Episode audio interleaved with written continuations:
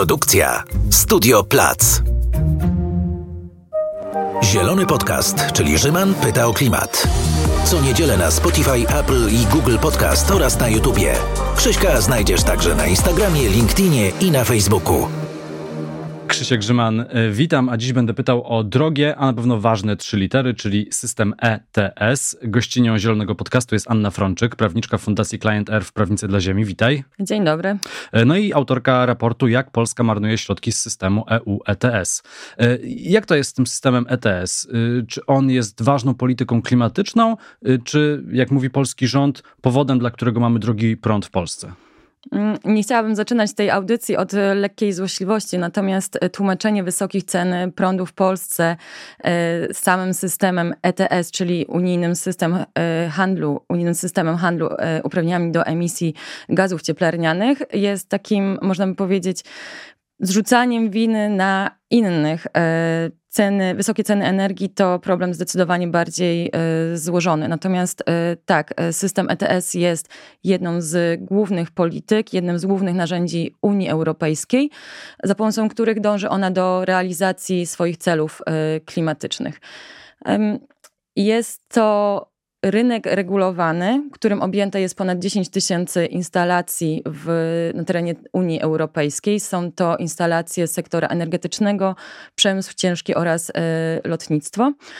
Y, instalacje te. Y, objęte są, znaczy instalacje funkcjonujące w ramach rynku ETS funkcjonują w taki sposób, że narzucany im jest przez Unię Europejską pewien limit e, emisji, który co roku jest obniżany. Mamy tak zwany współczy liniowy współczynnik redukcji e, i przez to instalacje te wszystkie razem mogą co roku emitować coraz mniej emisji. W ten sposób linia, e, w ten sposób Unia Europejska dąży do dekarbonizacji najbardziej emisyjnych sektorów. Czyli jeżeli mam ten ogólny cel klimatyczny rok 2050, neutralność klimatyczna, a wcześniej unijny cel 2030 Fit for 55, czyli ograniczenie emisji o 55%, to Unia sobie określiła, mamy jakiś ten budżet emisji i będziemy go ścinać, a system ETS ma w tym pomagać. Dokładnie tak.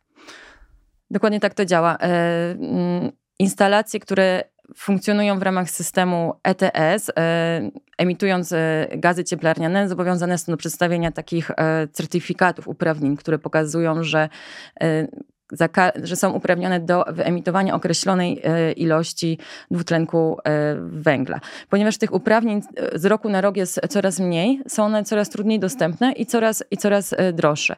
Instalacje wykupują takie uprawnienia mm, podczas aukcji organizowanych przez Europejską Giełdę e, Energii, tudzież dostają je za darmo w momencie, kiedy narażone są na ucieczkę emisji, czyli przeniesienie e, funkcjonowania takiej instalacji poza obszar Unii e, Europejskiej, lub też kupują je na rynku wspólnym. Tak jak powiedziałam, tych uprawnień jest coraz mniej, są one coraz droższe, przez to spalanie paliw kopalnych jest coraz mniej E, opłacalne, a przedsiębiorstwa objęte systemem ETS zmuszone są na przechodzenie na e, czyste, zielone e, rozwiązania. Ale te pieniądze z systemu ETS to nie jest tak, że one trafiają do jakiegoś ogólnego budżetu, czy w ogóle wyparowują do atmosfery. One zostają, tak? Zostają na przykład w Polsce.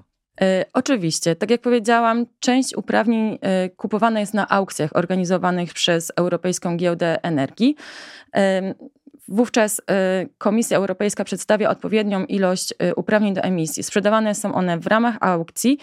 Y, instalacje kupują te uprawnienia, a dochody z tych, z tych, ze sprzedaży tych uprawnień trafiają do poszczególnych państw członkowskich. Polska również otrzymuje bardzo dużą część zysków z tych uprawnień. I te środki powinny zostać przeznaczone na dekarbonizację polskiej e, gospodarki.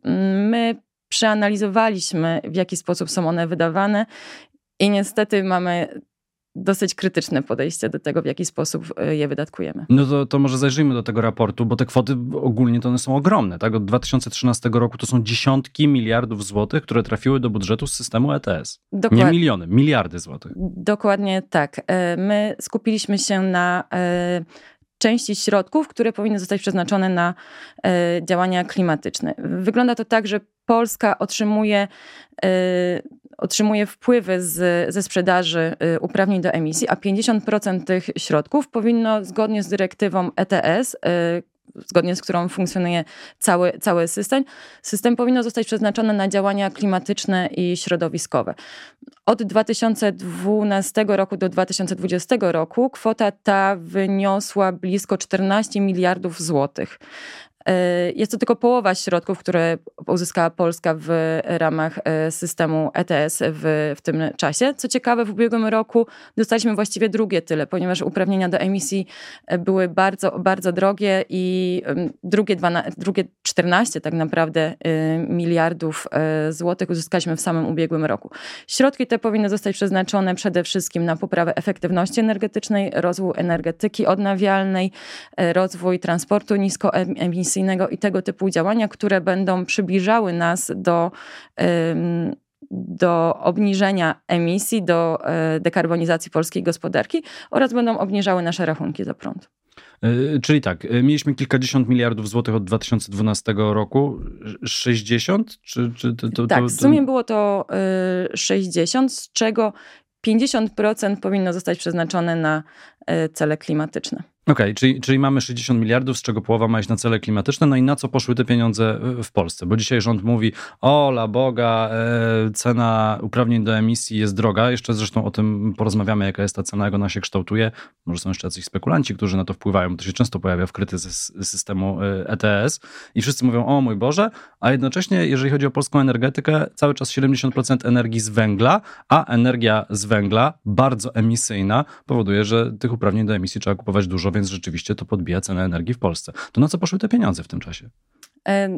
Dokładnie tak to wygląda. Pomimo tego, że Polska co roku przedkłada sprawozdania do Komisji Europejskiej, zgodnie z którymi środki te przeznaczane są na cele klimatyczne, to w naszej opinii blisko 3 czwarte tych y, środków y, zostało wydanych sprzecznie z celem dyrektywy. Możemy spojrzeć, jak wyglądają emisje naszej gospodarki. One nie, nie, nie obniżyły się znacząco w y, ubiegłych latach.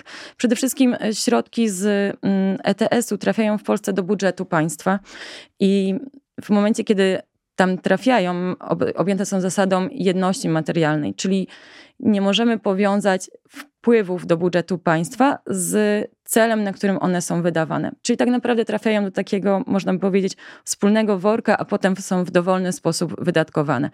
Z, ze środków z ETS-u zostały pokryte między innymi e, koszty związane ze zwolnieniem z podatku VAT, z podatkiem e, i podatku e, akcyzowego związanego z wytwarzaniem energii z mm, ze źródeł odnawialnych.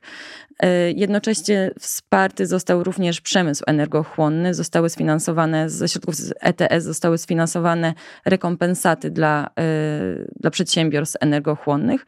W ubiegłym roku mm, środki te między innymi poszły na rozwój energetyki jądrowej w Polsce oraz na program mający na celu stworzenie pierwszego polskiego samochodu elektrycznego. Czy przybliża nas to do czy zwiększa to dekarbonizację polskiej gospodarki? Moim zdaniem trudno tutaj mówić o jakichś spektakularnych e, efektach. No, jeżeli spojrzymy w ogóle na ten y, pierwszy punkt, o którym wspomniałaś, czyli refinansowanie VAT-u i czego? Akcyzy? Dokładnie tak. VAT-u i akcyzy z odnawialnych źródeł energii to jest tak naprawdę kreatywna księgowość. To jest przerzucanie pieniędzy z kieszeni do kieszeni, ale cały czas to jest budżet państwa. Nic nowego się nie wytworzyło dzięki temu. Mm, dokładnie tak. Środki te powinny zostać wydatkowane w zupełnie inny sposób. Przede wszystkim powinniśmy pomyśleć o tym, żeby zmienić sam mechanizm ich wydawania. One nie powinny trafiać do budżetu państwa, ale powinniśmy w końcu przyjąć y, ustawę, która y, wprowadzi fundusz transformacji energetyki. Wówczas będziemy mogli śledzić dokładnie, będzie to budżet będzie to fundusz celowy, dzięki temu będziemy mogli śledzić, na co te środki są y, wydawane. Powinniśmy się skupić na takich działaniach na poziomie lokalnym oraz krajowym, które będą miały mm, ambitne cele redukcyjne, E, będą działaniami systemowymi oraz będą skupione na e, problemie wysokich cen energii. Powinniśmy sięgnąć do źródeł tych problemów, a nie e, starać się mm, w jakiś sposób pomagać i zajmować się skutkami wysokich cen energii. No ale dla rządu ta obecna konstrukcja jest chyba bardzo wygodna, no bo wpływają pieniądze niemałe, liczone w miliardach złotych co roku e, e, z handlu e, emisjami. Jednocześnie można ten handel emisjami krytykować publicznie i mówić, że system jest zły. Z drugiej strony brać z tego pieniądze do budżetu, a te pieniądze nie są znaczone jak te pieniądze w budżecie, one się po, potem rozpływają. A na koniec, jak trzeba wysłać sprawozdanie do Komisji Europejskiej i pokazać, co zrobiliśmy z tymi pieniędzmi, no to jak widać zawsze coś się wymyśli i no i właśnie, a Komisja Europejska jak, jak na to patrzy później? E, oczywiście jest to wygodne rozwiązanie, ponieważ mamy miliardy złotych, które co roku wpływają do naszego budżetu i możemy je rozdysponowywać w dowolny sposób. Jednak ostatecznie to każdy z nas e, ponosi koszty takiego e, działania. Widzimy to w naszych rachunkach za, za prąd, które rosną właściwie z miesiąca na miesiąc. Niestety mm, sam system ETS e e, oraz system, w jaki sposób przedstawiamy sprawozdania, jest, że tak powiem, mm, wymaga, wymaga on korekty. Dlatego komisja przyjmuje polskie sprawozdania. Tutaj kluczowe znaczenie ma, że Polska musi przeznaczać 50% w Y, dochodów z ETS-u lub ich równo, równowartość. My mówiąc o tym y, podatku VAT, podatku y, akcyzowym, który finansujemy sobie ze środków ETS, wskazujemy właśnie na mm, równowartość tych środków. Oczywiście jest to jest to zgodne z dyrektywą, z zapisem, zapisami dyrektywy, jednak jest to sprzeczne z celem dyrektywy, ponieważ nie, przy, nie przybliża nas to w żaden sposób do dekarbonizacji. E, no i teraz jesteśmy w roku 2022. Rozpoczyna się wojna w Ukrainie, a w zasadzie rosyjski atak na Ukrainę. E, może o cenach emisji jeszcze za chwilę porozmawiamy, ale teraz porozmawiamy o tym, co się dzieje z energetyką e, w Europie. Nagle się okazuje, że surowca brakuje, trzeba go importować. No i system energetyczny, żeby się domknąć, musi korzystać na przykład z większych ilości węgla zamiast gazu. Węgiel bardziej emisyjny, ceny emisji, uprawnień do emisji idą w górę. No i Polska płacze i mówi: O, emisje są strasznie drogie, podczas gdy przez ostatnich 7 lat, na przykład rządów PiSu, ale wcześniej też, poprzednie rządy też mają swoje ogromne zaniedbania, niewiele zrobiono, żeby z tych 70% energetyki opartej na węglu zejść na dużo niższe procenty, bo tych pieniędzy nie wykorzystywano na ten cel. E, dokładnie tak. Mamy w tym momencie ubolewamy nad wysokimi cenami energii. E, rząd również wskazuje, że to uprawnienia do emisji są winne tak e, wysokim cenom, co mm, w mojej opinii nie jest prawdą. Uprawnienia do emisji stanowią jedynie niewielki procent ceny, którą płacimy za jednostkę energii. Jednocześnie należy też mieć na uwadze, że pomimo tego, że ponosimy koszty tych uprawnień, to do naszego budżetu trafiają co roku miliardy złotych, które powinniśmy przeznaczać na odchodzenie od spalania paliw e, kopalnych. Ze środków, które uzyskaliśmy z ETS, moglibyśmy spokojnie postawić naprawdę bardzo dużo e, wiatraków na lądzie. Niestety nie jest to w tym momencie możliwe, ponieważ mamy zasadę 10H. Potrzebujemy z niej jak najszybciej zrezygnować, odblokować energetykę e, wiatrową na, e, na lądzie. Mm, to właśnie ona mogłaby nam dostarczyć najtańszej i czystej energii. Mamy w Polsce potencjał, którego nie wykorzystujemy. E, no a tymczasem mieliśmy jeszcze przed wybuchem wojny taką słynną kampanię polskich elektrowni y, z żarówką. E, wisiały na billboardach w całej Polsce takie żarówki, ona była podzielona tam procentowo i 60% ceny energii elektrycznej w Polsce, e, za 60% ceny energii elektrycznej w Polsce miały odpowiadać unijne regulacje, czyli de facto koszty uprawnień do emisji. To była prawda, czy to był fake? Było to naciągnięcie. Nie jest to, to była nie niezła jest, manipulacja. Dokładnie tak, nie jest to zgodne z, z prawdą. Koszty emisji do, koszty uprawnień do, do emisji stanowią około 20% tych, y, tych kosztów. Jest to nie, niewielki procent. Y, sposób kształtowania się cen energii jest znacznie bardziej złożony. E, no jeszcze gdybyśmy sobie spojrzeli na statystyki, to polska energetyka jest dwójpół, trzykrotnie bardziej emisyjna, mówiąc tak ogólnie, uśredniając, e, niż średnia unijna. No to też powoduje, że dla nas te emisje są droższe. A jest emisyjna, no bo mamy dużo energii z węgla. Dokładnie tak. Jednocześnie co roku dostajemy e, ogromną ilość e, środków z Unii Europejskiej, żeby coś tym, e, coś tym zmienić. Powinniśmy tak naprawdę już dawno rozpocząć działania, żeby zmienić nasz miks energetyczny. Dlatego środki z ETS nie powinny trafiać do budżetu państwa, ale powinny finansować działania, które przede wszystkim ograniczą nasze zapotrzebowanie na energię. Jak, jak wiemy, najtańsza jest ta energia, której nie zużywamy. Dlatego powinniśmy przede wszystkim finansować działania mm, ograniczające zapotrzebowanie na energię, popra poprawiające efektywność y, energetyczną. Z drugiej strony powinniśmy finansować ze środków z ETS rozwój energetyki odnawialnej. Tutaj mówię szczególnie o y, wietrze na lądzie, który jest y, najtańszy, oraz y, energii fotowoltaicznej. E, to wszystko nie będzie możliwe, gdy, jeżeli nie zaczniemy również inwestować w sieci przesyłowe i modernizację i rozwój systemu elektroenergetycznego w Polsce. Oprócz Oprócz raportu dotyczącego ETS-u, nie tak dawno przyjrzeliśmy się temu, w jaki sposób funkcjonuje, funkcjonuje nasz system elektroenergetyczny i okazało się, że mm, w ostatnich e, latach, pomiędzy rokiem 2015 2020, 2020 odmówiono przyłączenia do sieci instalacji OZE o wielkości, mm, o mocy 30 gigawatów. Gdybyśmy wykorzystywali środki z ETS-u na modernizację sieci w Polsce, moglibyśmy przyłączyć te dodatkowe 30 gigawatów i w tym momencie nasz miks energetyczny, a tym samym nasze rachunki za prąd wyglądałyby zupełnie inaczej. Tak, zwłaszcza, że w ostatnim e, odcinku e, Zielonego Podcastu tłumaczyliśmy też trochę, jak działa ten system i jak on się domyka, że domyka się tak naprawdę najdroższą jednostką, która generuje tą ostatnio, e, ostatnią megawattogodzinę, więc im, im więcej będziemy mieli taniego, no wiatr wieje tak czy tak, słońce świeci tak czy tak, więc im więcej będziemy mieli taniej energii z OZE, tym ta energia będzie w Polsce tańsza. No to pomówmy jeszcze chwilę o tym, co proponuje polski rząd, o ile to są w ogóle jakieś realne propozycje.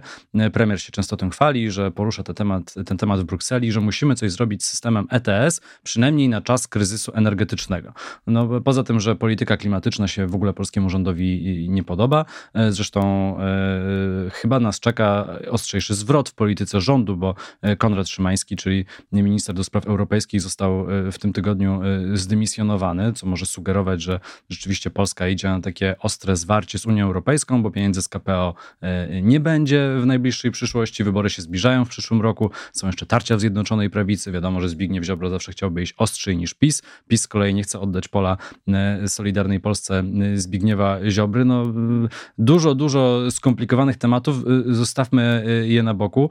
No ale mamy teraz tę sytuację, jaką mamy. Kryzys energetyczny i premier mówi, to zdecydujmy się zawiesić system ETS, albo wprowadźmy bardzo dużo bezpłatnych uprawnień, albo wprowadźmy jakąś maksymalną, ale bardzo niską cenę za emisję po to, żeby energia w Europie nie była droga. Czy to jest jakaś y, droga do rozwiązania tego y, problemu? Jest to jakiś pomysł, natomiast czy znajdzie on zrozumienie w, po stronie Unii Europejskiej, y, co do tego mam pewne wątpliwości. W tym momencie mówimy wręcz o reformie systemu ETS, która idzie w zupełnie inną stronę.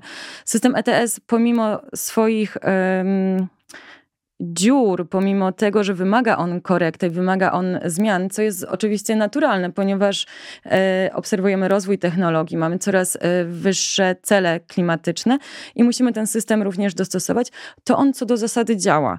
W, od 2005 roku e, instalacje objęte tym systemem obni obniżyły emisję o ponad 40%, co jest znaczącą redukcją. Dlatego Unia Europejska ma wręcz odmienny pomysł niż polski rząd na funkcjonowanie tego systemu i dąży do zwiększenia E, ambitności jego e, celów redukcyjnych. Mówi się o tym, że zostanie on podniesiony do 61% w 2030 roku. W tym momencie jest to cel, o ile dobrze pamiętam, 43%. Tym samym tych uprawnień będzie jeszcze mniej. E, jeszcze szybciej będą one zdejmowane z rynku. Współczynnik redukcji ilości E, uprawnień, które co roku są wy, wypuszczane, e, zostanie zmniejsz, znaczy jakby zostanie zwiększony dwukrotnie, więc ta liczba będzie... To nie są proste rzeczy. Tak, po prostu tych uprawnień będzie e, coraz mniej ich liczba będzie się zmniejszała w jeszcze szybszym tempie. W efekcie będą jeszcze, jeszcze droższe, będzie jeszcze trudniej je, je dostać. Co więcej, i to ma kluczowe znaczenie, mówi się o tym, że 100% dochodów, które państwa uzyskują z systemu ETS, powinno iść na cele klimatyczne. I tutaj właśnie mówimy o tym, o, o rozwiązaniu, którego tak bardzo potrzebujemy w Polsce. O stworzeniu funduszu celowego, dzięki któremu będziemy mogli śledzić, w jaki sposób są wykorzystywane środki z ETS. Nie będą one już trafiały do budżetu państwa, tylko będą finansowały konkretne e, roz, rozwiązania. Z jednej strony e, Unia proponuje właśnie te mm, jakby przykręcenie tego e, systemu ETS, zwiększenie jego, jego ambicji, ale jednocześnie proponuje również stworzenie funduszu społecznego, który będzie wspierał e, lokalne społeczności, e, szczególnie na terenach, które są mocno uzależnione od e, paliw kopalnych, żeby mogły one przejść przez sprawiedliwą transformację, żeby zapewnić tym osobom, które mieszkają na tym terenie, w tym momencie pracują w branży, która jest bardzo emisyjna, możliwość przekwalifikowania się i odnalezienia się w nowej rzeczywistości. No, fundusze sprawiedliwej transformacji, jak prawda, istnieją od dawna. To, że Polska częściowo ich nie otrzymywała, to też była wina polskiego rządu. E, dokładnie tak. Powinniśmy się na tym, e, na tym w tym momencie e, skupić. To mam jeszcze takie pytanie, bo to też się często gdzieś pojawia w dyskusjach. No, ceny uprawnieniami można handlować. Ceny no, tak naprawdę wyznacza rynek, ceny uprawnień ETS. Ile jest w tym rynku spekulacji? No bo to, że są jakieś na pewno, to, to, to wszyscy o tym mówią, ale były nawet raporty Komisji Europejskiej, które no nie wskazywały jednoznacznie, ile jest spekulacji na tym y, rynku. No bo y, wiadomo, jestem dużym emitentem, na przykład y, rozumiem stalownia, tak? Duże emisje, więc muszę kupić te uprawnienia, chociaż może akurat ona je dostaje, no bo inaczej ta stal byłaby importowana z kraju, gdzie w, w, w ogóle takiego systemu nie ma, więc klimatycznie może ona nie. No ale powiedzmy elektrownia, musi sobie kupić te swoje uprawnienia do emisji, ale może też je kupić jakaś instytucja finansowa, e, bo nie wiem, chce się zabezpieczyć na jakimś rynku albo chce je odsprzedać w przyszłości. Ile, ile takiego spekulacyjnego ruchu jest w systemie ETS? To bardzo trudne pytanie, ponieważ. Yy nie ma czegoś takiego jak definicja z spekulacji, więc e, trudno jest powiedzieć, kto jest spekulantem, a kto jeszcze działa w ramach tych e, zasad funkcjonowania ETS.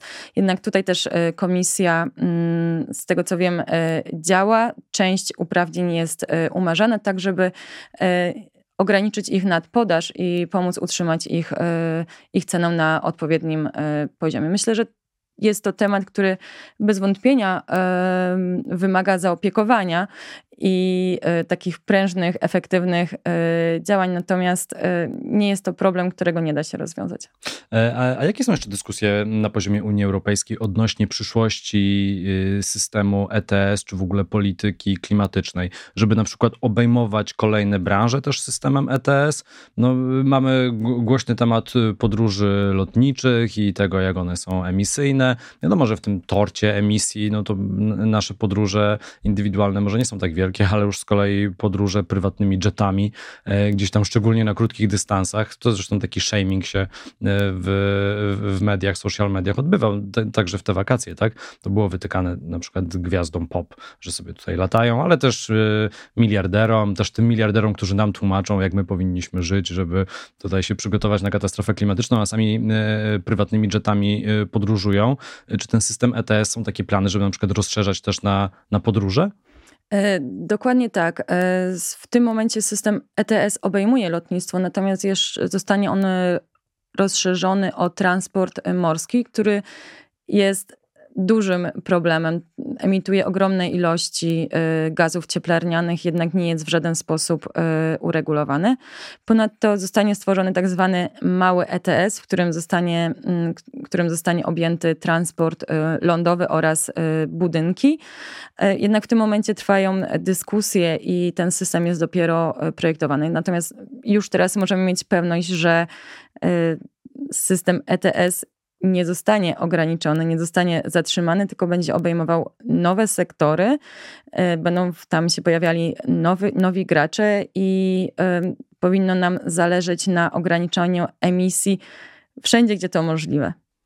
E, żyjemy w Unii Europejskiej e, i to świetnie, e, przynajmniej ja tak uważam, pewnie się co do tego zgadzamy. Unia Europejska wprowadza dużo innowacyjnych polityk, no, jest prekursorem w wielu dziedzinach. I to, że mamy na przykład RODO, które tam było, było dużo dyskusji pewnie w Polsce na ten temat, to dobrze z punktu widzenia naszego bezpieczeństwa, nasze bezpieczeństwo w sieci, super sprawa, to, że mamy roaming, super sprawa, polityka klimatyczna, super sprawa, no ale okazuje się, że trudna, szczególnie, że no, Unia Europejska nie jest samotną wyspą, jesteśmy osadzeni w świecie. E, no i jak to teraz robić, żeby te emisje nie wyciekały właśnie gdzieś dalej, tak? Że my tutaj będziemy się zmuszać i wydaje mi się, że to jest też taki argument wielu krytyków, wielu polityków, którzy mówią, no dobrze, to my się tu będziemy zmuszać płacić coraz więcej, a inni się nie przejmują i emitują.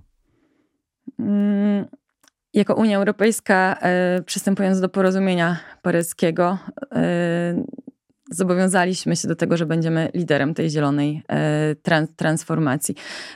Systemy podobne do ETS-u funkcjonują również w, mm, poza Unią Europejską. Tych systemów jest kilkadziesiąt na, na całym świecie. Mm, do 2020 pierwszego roku e, system ETS ten unijny był, był największy. W tym momencie największy funkcjonuje w Chinach. Więc y, wydaje, wydaje się, że sam system ETS spełnił swoje zadanie i inne części świata wręcz inspirują się, dążą do stworzenia podobnych systemów. Co więcej, Unia Europejska wprowadza również węglowy podatek graniczny, który spowoduje, że mm, różnego rodzaju pro, produkty y, wytwarzane poza Unią Europejską będą ponosiły dodatkowe koszty związane z y, emisjami, które są y, generowane, a które nie są objęte regulacjami uni, unijnymi. Więc wydaje się, że na pewno jako Unia Europejska nie, nie funkcjonujemy w odosobnieniu. Co więcej, warto też zwrócić uwagę, że nie tak dawno Komisja Europejska rozpoczęła pracę, które są teraz e, prowadzone nad e, systemem zrównoważonych e, finansów. W, w ten sposób instytucje finansowe, inwestorzy będą bardzo dokładnie przyglądali się, e, w jaki sposób produkowane są e, różnego rodzaju dobra e, materialne oraz w jaki sposób świadczone są usługi. Nie tylko te, które są wytwarzane na terenie Unii Europejskiej, ale również poza nią i będą się przyglądali im pod względem emisyjności to wszystko tworzy taki jeden duży y, mechanizm, y, który spowoduje, że mm, pomimo tego, że Unia Europejska, choć teraz nam się wydaje, że mamy bardzo restrykcyjne y, regulacje, które być może nie występują w innych częściach świata, jednak z, z biegiem czasu to wszystko zaczyna się zazębiać. Czyli coś tam jednak dobrego w tej Brukseli powstaje.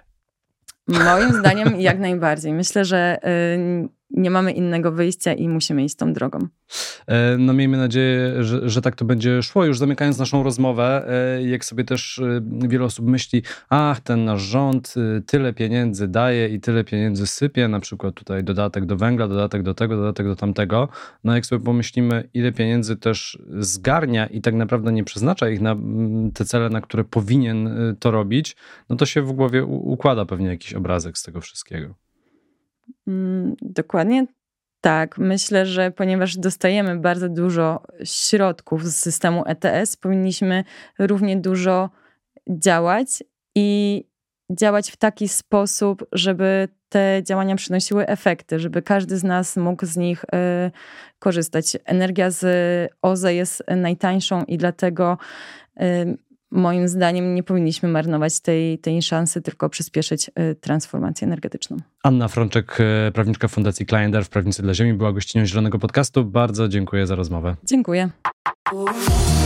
To był Zielony Podcast, czyli Rzyman pyta o klimat. Co niedzielę na Spotify, Apple i Google Podcast oraz na YouTubie. Pamiętaj, żeby subskrybować kanał. Nie przegapisz żadnego odcinka.